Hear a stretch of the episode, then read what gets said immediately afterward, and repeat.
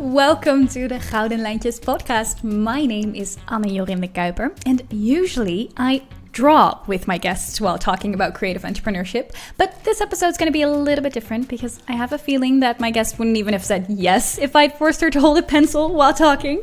But I did really want to interview her because she's been the biggest in- inspiration for my creative entrepreneurship, my, my business journey, and everything. So I'm really happy to have her. Her name is Celine Charlotte. She's a 35 year old entrepreneur and she's an online educator. She's just pretty awesome at making money. She runs C Academy Academy, which she took from zero to seven figures in under two years. And with her online courses, she teaches over 18,000 entrepreneurs all about building an online business, creating online courses, productivity, money, and investing. And I personally absolutely eat up her daily vlogs and all her podcasts, in which she not only shares those helpful business tips, but she also just blatantly spills all the tea about topics like plant medicine, loneliness, business fails, and how to turn under underwear into collars for her dog Bella. And the thing that inspires me the most about her is that she always reinvents herself and her business with a speed and confidence that blows my mind. Despite having a successful business in the Netherlands, she recently moved from the Netherlands to Sedona in Arizona in the US to start a new life and a whole new business. I have no doubt that she'll succeed over there, and I want to know about the ways in which she's planning out her American dream. So, Celine, welcome. Thank you so much, and thank you for this lovely introduction. if I have a guest, I should introduce the guest like this because this is really heartwarming. I'm happy to hear that. You warm my heart with all your inspirational stories and everything, so I'm happy to return the favor. Just to make it clear, like I would have come, like if I would be able, I'm now in America, of course, and you're in the Netherlands, I would have drawn. I think that's an amazing. You would? You would? Yeah. Oh, wow. Okay, yeah. I'll take you up on that uh, promise because next time when you're ever back in Amsterdam, I'm definitely, I'm ordering all the pencils that I can find and I will put you behind a sheet of paper and make you draw. Oh, that would be so fun. I think you would draw your dog, I think. I know, no, that one thing I always doodle, and I love doodling. So I'm always, whenever I'm sitting in a meeting or whatever, I'm always drawing something. I always draw dresses. So oh, princess really? dresses, basically. Yeah. Well, that, that kind is, of makes sense because love uh, you love Disney, you love dresses, you even love LARPing. Mm-hmm. I think one of my first impressions of you is that you're a very creative person. Maybe not that much about drawing, but you are a very creative person in your business, in your ideas and everything. Like recently, how you came up with that crazy idea of hiring 20 people at once from all different time zones, I think within a day or something. How do you come up with all those creative ideas?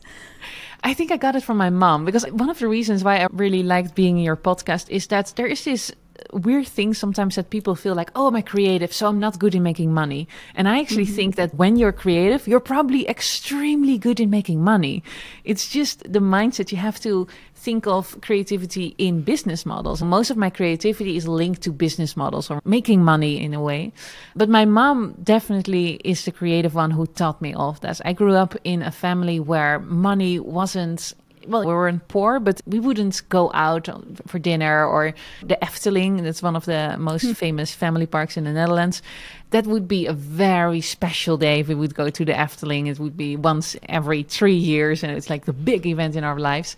And my mom just she did everything herself in the household so painting the house making the art for the house she always come up with ways to do it very cheap. Somewhere from a thrift store she would buy things and then make something herself. So i grew up with the mentality that you can do things yourself if you want to and that everything is possible and you don't have to buy like the store bought. You can create it with, for a couple of dollars yourself.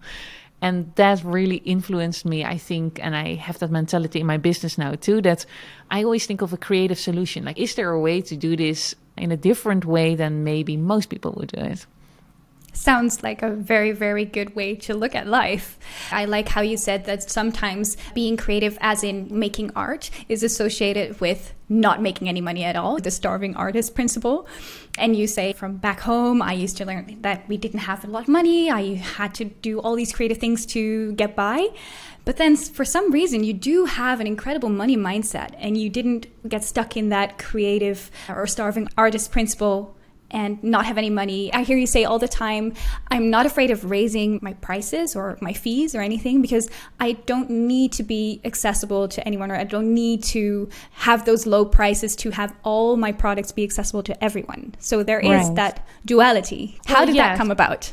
So most money blockages, people who are unwilling or they can't make more money, it's one of those two reasons that you just called. Those are in the way of them making more money. And one is I want to be accessible. I want to help the world. So I need to be accessible to all. It's a misconception because the people who help actually the most people who have the most impact in the world are probably rich. If I think of people who helped me in my journey of becoming who I am, I think of uh, people like Tony Robbins or Oprah Winfrey examples who are out there who are visible. You can't make a one-on-one with oprah winfrey so she can give you some life advice or tony robbins to give you some business advice. No of course not. It's going to cost millions or it's not even possible. But because they're so scarce in their time and so expensive, they actually have the time to broadcast to thousands and millions of people out there. So the more exclusive you make yourself, the more time you have to give free content out there for everyone to enjoy.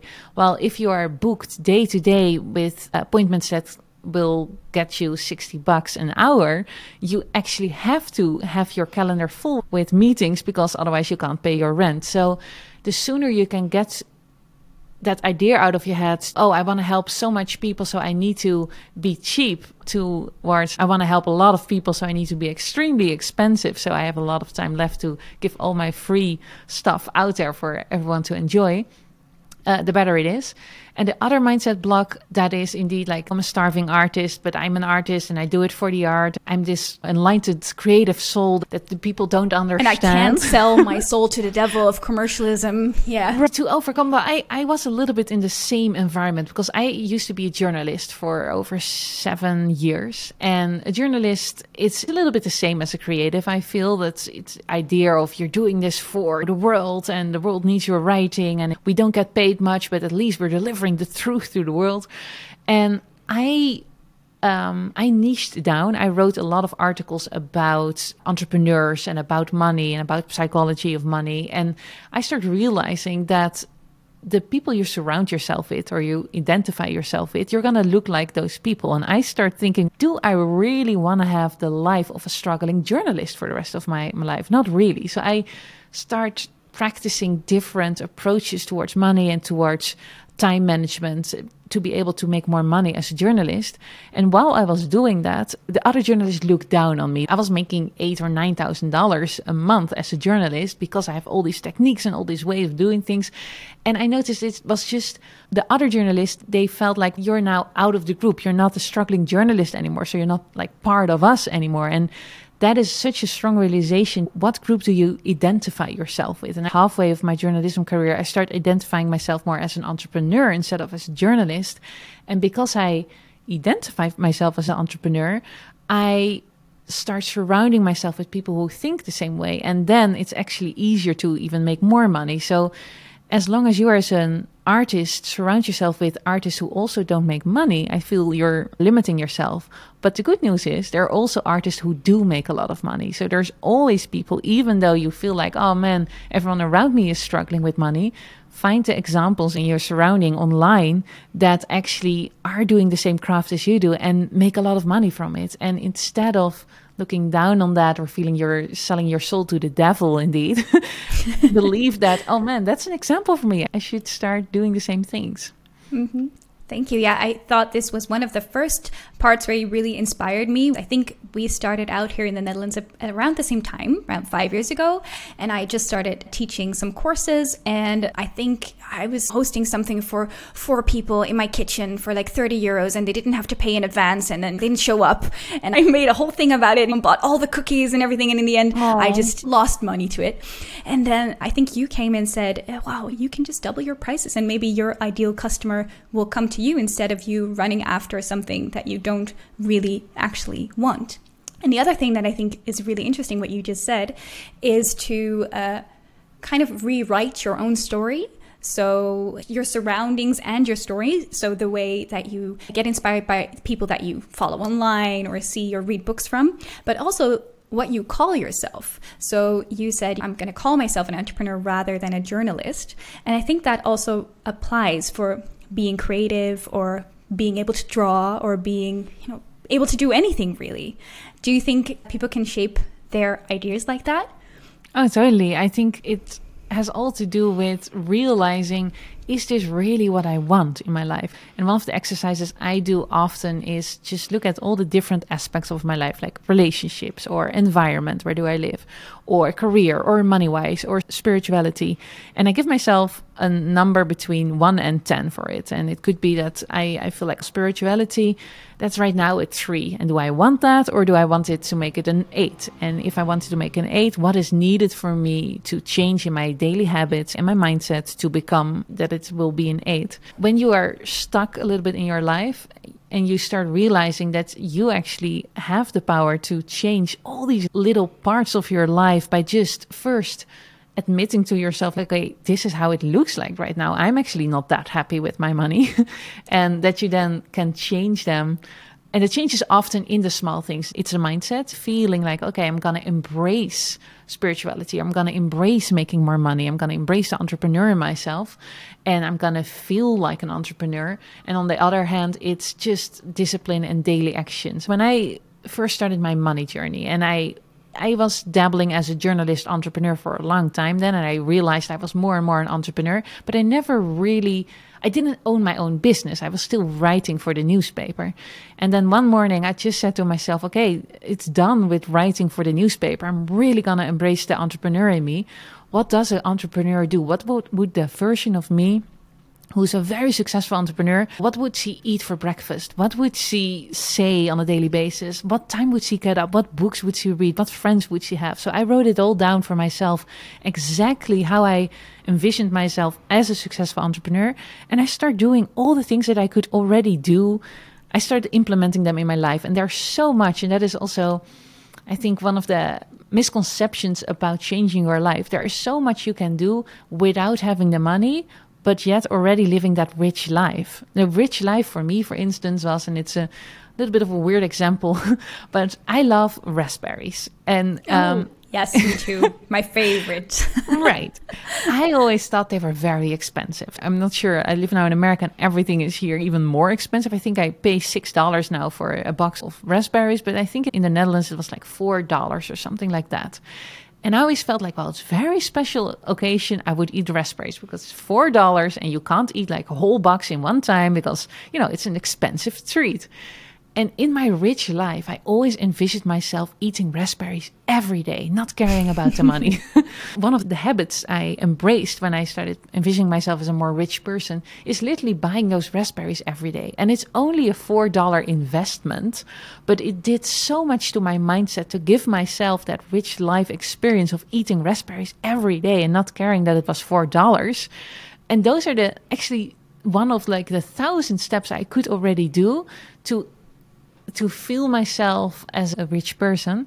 It translates really well, I think, to creativity. And maybe it's not, you know, the expense of a box of raspberries, but maybe it's how luxurious it feels to make time to draw every day and people are like right. oh if only i were an artist and i had like whole afternoons to draw that would be fabulous but i could never in my life imagine that to be impossible and then you just start with like 15 minutes or maybe you buy your first beautiful pencil or something. Like when you start doing something really small of that list of envisioning what you really want to be, then you know you're already one step ahead of the rest who doesn't do it.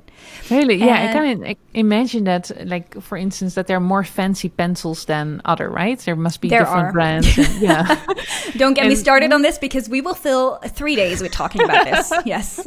okay. Well, just a short example, like how I would do it. Then, if I wouldn't have the money to buy all the pencils in every color, I would just start with one fancy pencil in a color, mm-hmm. just to give myself the idea, like, oh, this is how it is when you can draw with a better brand of pencil.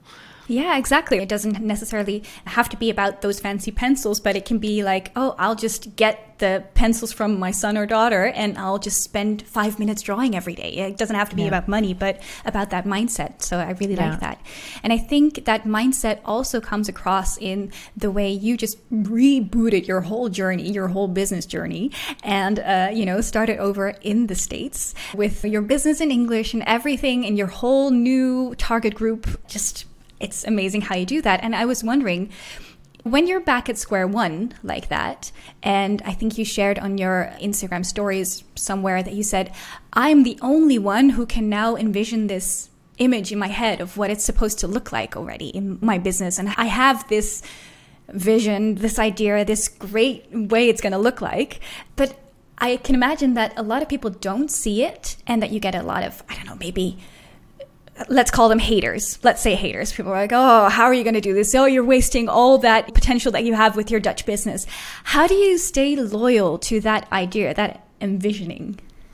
Well, this is one the step to go to English and to do everything over in English. I thought it would be easier for me. It's actually one of the hardest things I've ever done. And mm. I know looking back at my life, I can take pretty brisk decisions because my intuition says like, you know, stop with my first company. I was I had a company in renting out meeting venues and I can stop things while for other people it's like, no, don't stop it. You're making so much money or so go great. And I always feel like, no, I'm doing that other thing with stopping my Dutch business, or at least starting to translate everything in English, it's the hardest thing because it's bumping into one of my biggest insecurities, and that is my English. And my business is built on how I speak and how I teach, and the quickness of my storytelling, and the quickness of being able to transform the ideas in my head into really fun and storytelling way of teaching them in Dutch.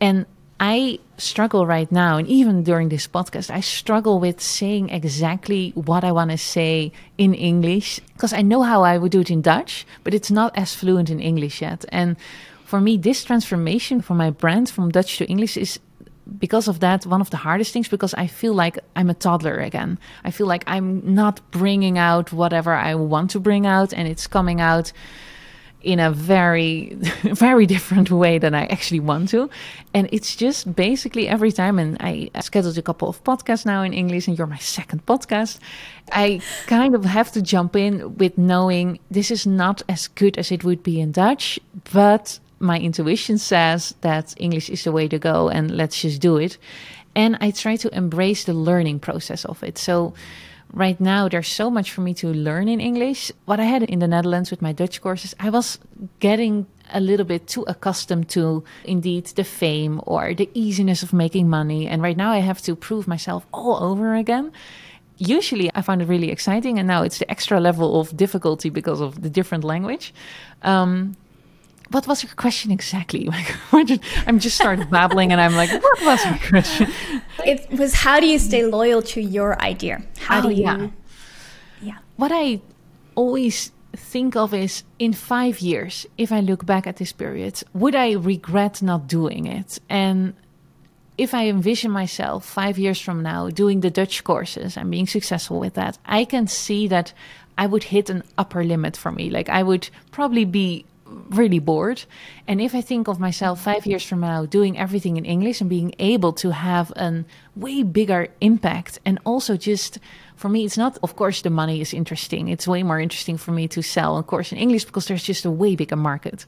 But apart from that, it's so much more interesting for me to do everything in English because the playing field as an entrepreneur is bigger. I can literally now have team members all over the world who all speak English and I can use software that is only now available to English speaking podcasters or English speaking video makers because the software, the artificial intelligence only recognize English. So all of a sudden my tools as an entrepreneur are 10 times as big as when I was in Dutch. So when I close my eyes and I think of that prospect or that future in English, that is so exciting to me that I know that nobody else around me can really feel that that future. So then I feel like, well, I feel that future and I'm excited about that. So that has to like pull me forward through all the blockages that I feel by going that path. And the second thing, I do get criticized a lot. And also, indeed, now when I do everything in English, please don't do it in English. And well, your English is so bad and blah, blah, blah, blah. And I just It's always not. think, thank you. Um, I just feel like, okay, do I want to have your life? That is one of my main questions whenever I get criticized or whenever people come with advice. I always pause, think of their life, and feel like, do I want to switch life with you? And for most people, that is a no for me. And if I think of my heroes in business, I cannot imagine one of them saying, Oh, yeah, Celine, just keep doing what you were doing in the Netherlands and don't grow. Like everyone would say, No, please do it in English, grow, get out of your comfort zone. So I always envision whenever I get criticism or advice that might not really work for me, I envision what my heroes would advise me and if I would want to switch life with them. And then basically it's always pretty clear that I just have to follow my own path. Yeah, that's really good to hear. And I see a lot of resemblance in the way that people embark on their creative journey while drawing. Basically, you just don't mind being bad at something. You said it's annoying that my English isn't as good as I would want to, but I think that's a big part of your secret. Correct me if I'm wrong, but that you love learning. You love trying out new things and you love I don't know, sucking at something and just because there's so much room for growth.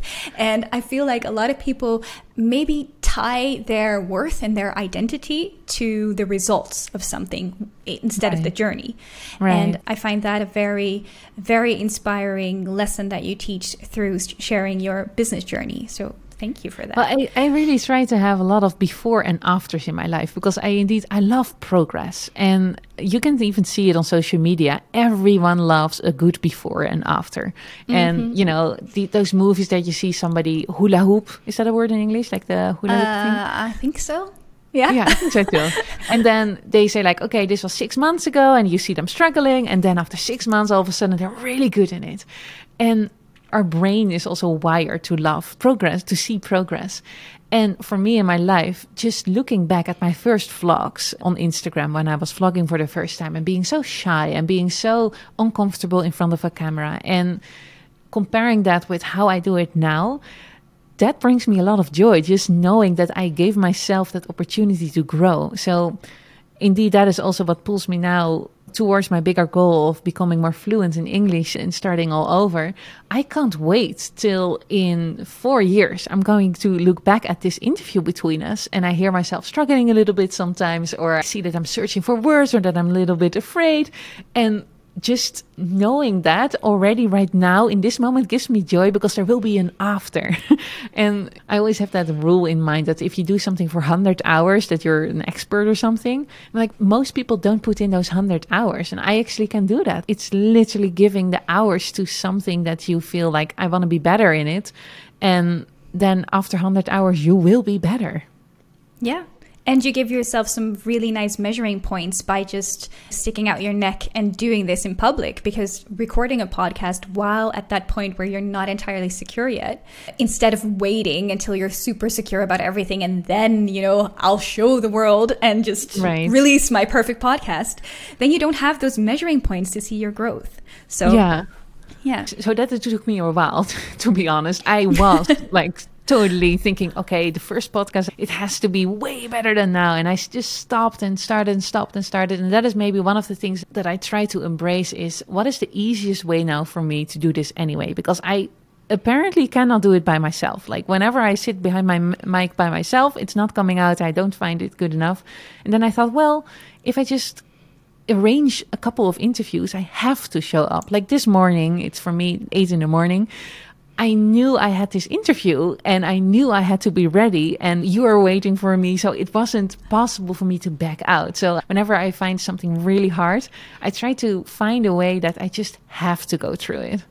Mm, you know that this was the one of the most valuable tips that you gave me. Do you remember when we met five years ago? Totally, a yeah. one-on-one- You do? Yeah, that's very nice. And one of the best tips that you gave me that I still use today is finding out my tendencies. The four, four tendencies by Gretchen Rubin, I think. Oh, yeah, yeah, yeah. So the thing that you said right now about giving yourself deadlines and just meeting outer expectations to basically make sure that you're accountable to someone else, that Yeah. really helped me in doing all these things and maybe overcoming my fears.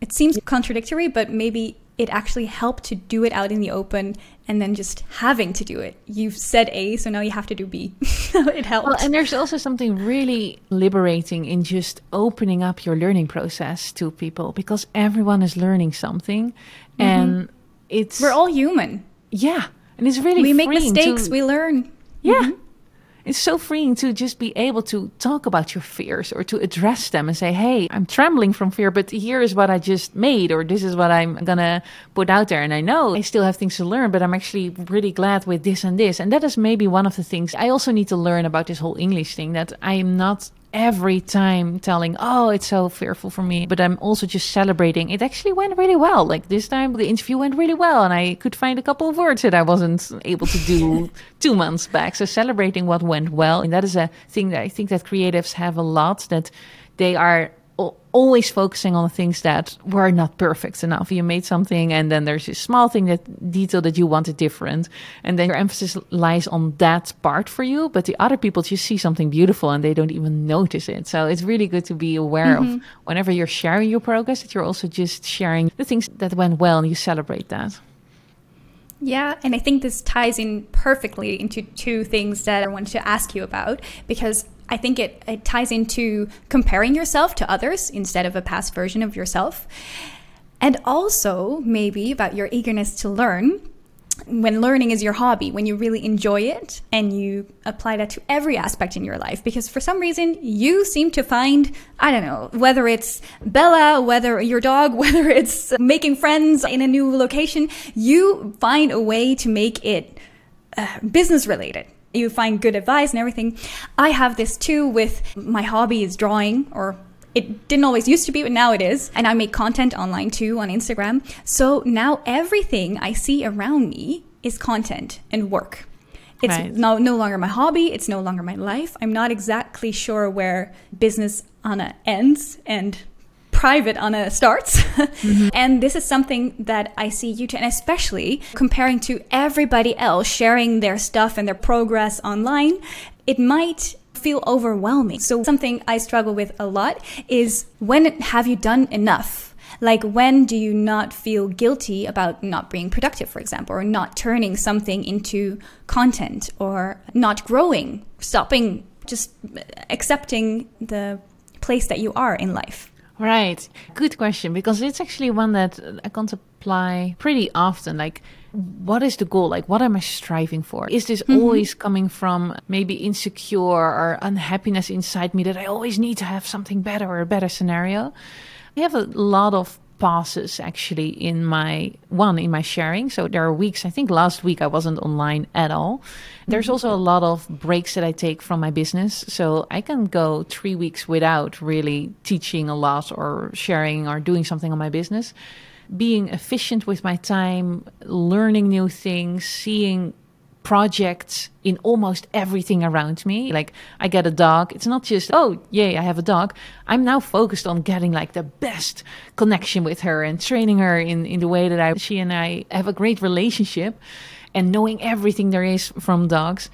And I see life almost always like that. And I you would think like okay then a break is really nice but actually when I'm on a break I just get bored again and I start making projects of other things in my life because in the end I really get so happy of progress and organizing my life in the way that I like things and I get so happy of learning that for me there's not really a break needed so much from it. And I think designing your life for me means that whatever whatever you're interested in you can turn into a project of becoming better at it. And there's so much in life that i don't really invest in. I'm looking at the plants right now. I don't know anything about plants. I literally bought these plants and i have no idea how much water they need. And there's so much still that i don't touch. But the things that i do touch i just get so happy from them.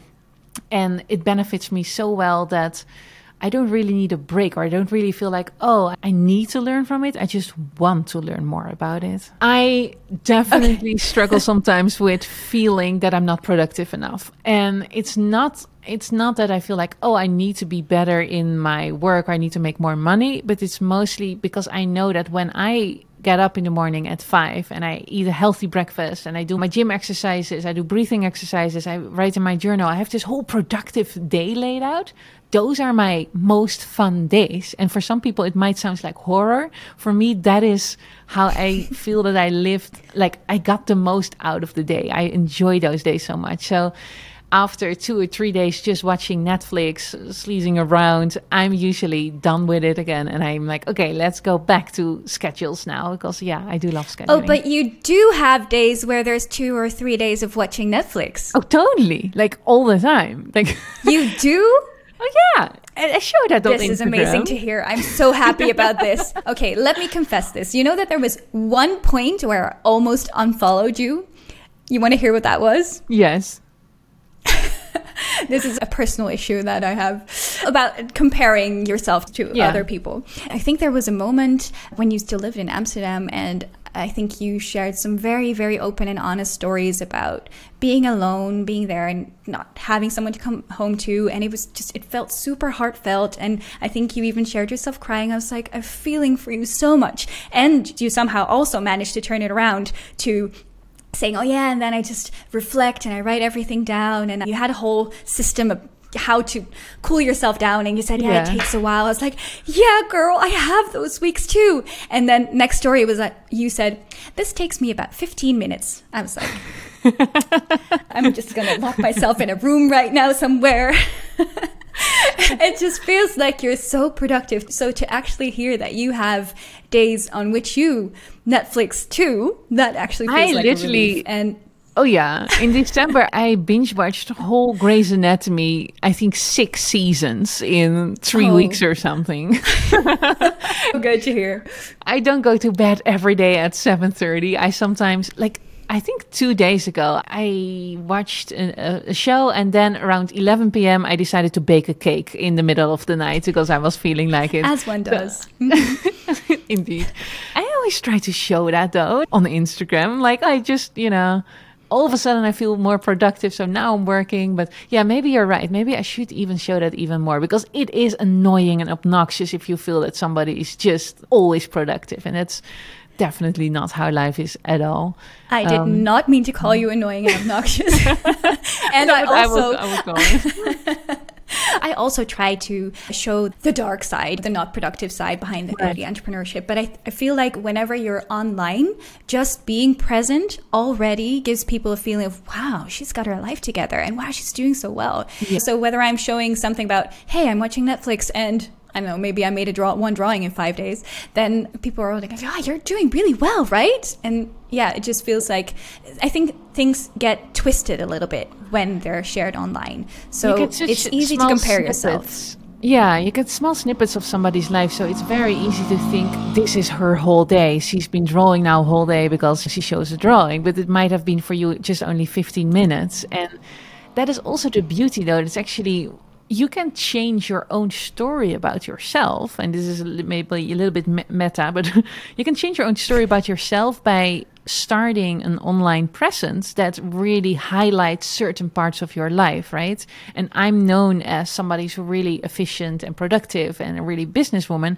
And I enhance that own story about myself by posting a lot about those subjects. So you start also seeing yourself as somebody who is an entrepreneur and really effective and productive. I think as an especially as a creative or if you want to be an artist, if you just start sharing about your art online, it becomes pretty quickly that you are actually identifying yourself more as an artist, I would imagine. Yeah, I really like that idea because it gives you an actual concrete way to rewrite your story, the thing that we talked about at the beginning of this podcast, you know, to Right. rephrase the idea about yourself. So I really like that. Yeah. I think that's a really nice way to end things, except that I would I want to ask you one more question, Yes. and that is if you were an artist a cre- you are an artist you're a business artist but if you were an artist what kind of art would you make what kind of discipline would you choose It was a week ago. I want to have really big paintings in my house and then from ceiling to the floor. And they're pretty hard to get online. So I couldn't really find somebody. So I thought, well, I'm just going to make them myself. So I bought everything to make huge modern art paintings. I bought the how do you call that the, the thing you paint on Can- yes i bought A a, canvas? canvas roll i bought all these woodworking materials so i can make my own frames mm-hmm, and mm-hmm. i bought paint i've got everything to start painting so that would definitely be one of my first creative projects that i want to do now and i think as an artist designing dresses that would be one Definitely an art. okay Definitely an art. like that yeah that would really speak to my heart what I- does a dress yeah. look like that's in your head right now? Because I can see that you're thinking of a dress. It's poofy. It is pink and pastel with a lot of bows and a lot of roses. it's definitely I over can't the top. wait to ever see your dresses. Are they in your future plans for your future business plans for next year, or is it Not, just not really. And that's also one of the things like not everything has to be a business. And that is something I have to tell myself all the time because whenever I start something, even when I bought all that paint and I was like, oh yeah, I'm going to make this huge paintings for my house. I'm like, oh, and I can sell them because apparently it's pretty hard to get around. And I'm like, no, Celine, it doesn't have to be about a business. It's just now for fun. um, no, but I can see myself maybe taking some classes of designing dresses later on in life. Yeah. I look forward to seeing them someday. Thank you so much. It was so much fun to have you in the podcast. And I'm looking forward to seeing all your new creative adventures, whether it's business wise or dresses or collars for Bella. We'll see everything just hopping by on your stories. If you want to follow Celine, you can. You can see everything on Instagram at Celine Charlotte. I would highly recommend watching it. You can also follow me at Gouden Lijntjes if you want to. And if you're looking to explore your inner artist, I, of course, have a bunch of courses on learning how to draw, even if you think you can't, because I think everybody can. But of course, Celine also has her own business courses, which I can also highly recommend. Both are courses you can find in the show notes of this podcast. And make sure to also check out my previous episodes, which are in Dutch, where I talk and draw with several creative entrepreneurs. I'll see you. That is such an okay. one. le- Wait, Thank Anne. so that is such an, a great way of of ending this podcast. I'm listening with a lot of admiration because I was about to ask you, like, okay, where can we follow you, or what do you do? Tell me really quick, because I was like, oh, of course, people want to find you now, and you do it so good. So that is one thing that I really admire, and that is something that so many people can learn from you. You had an amazing intro. You have a very smart and amazing outro. That is just, yeah, that is great. What is your most Well, popular thank course? you so much.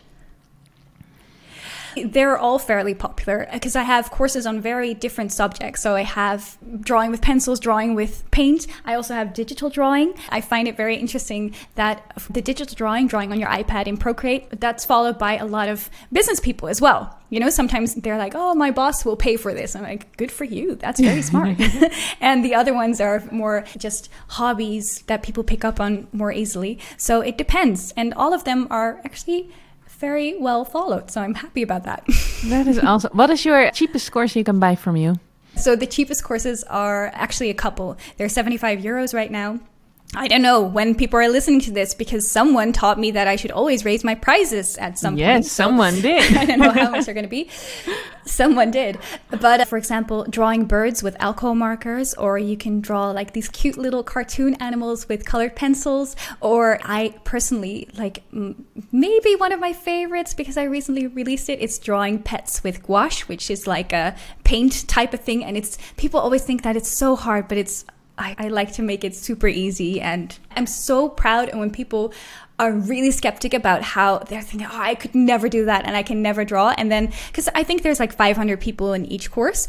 And then you just see that whole board filling up with all the beautiful results. And people are like, oh, this did, did this just come out of my fingers? I didn't know. So I'm, that makes me super proud. That is so fun. Uh, and I asked about the cheapest one because sometimes even if you're listening to this and you don't really have a desire to draw, there might be somebody in your environment that you feel like, oh, he or she likes drawing, and it's such a fun gift to give a course like that for somebody. So that was why I was mentioning that. Well, thank you Thank so you much, so Anne. much. And in the show notes, you can find the Instagram of Anne, so you can look her up. I think most of your courses are all in in Dutch, though, right? Most of my yes, because someone also advised me to just switch to Dutch if most of your target group is Dutch anyway. So Yeah. I used to have some in English, but I don't any don't anymore. Okay. All right. Well, thank you so much for this conversation. and I'm thinking of my advice of doing it in Dutch. But if you want to go global, you should start doing it in English again. You can always. I do, yeah. And maybe I should also have a company name that's actually pronounceable in English. But no, yeah, I'm actually really happy with that decision because I'm okay. also like on Dutch TV and it made me practice more about speaking Dutch on camera. And uh, for now, it feels like a really good decision. So who knows where I'll be in two years? Maybe I'll come find you, you somewhere in Sedona. Switch. Yeah, exactly. Be good.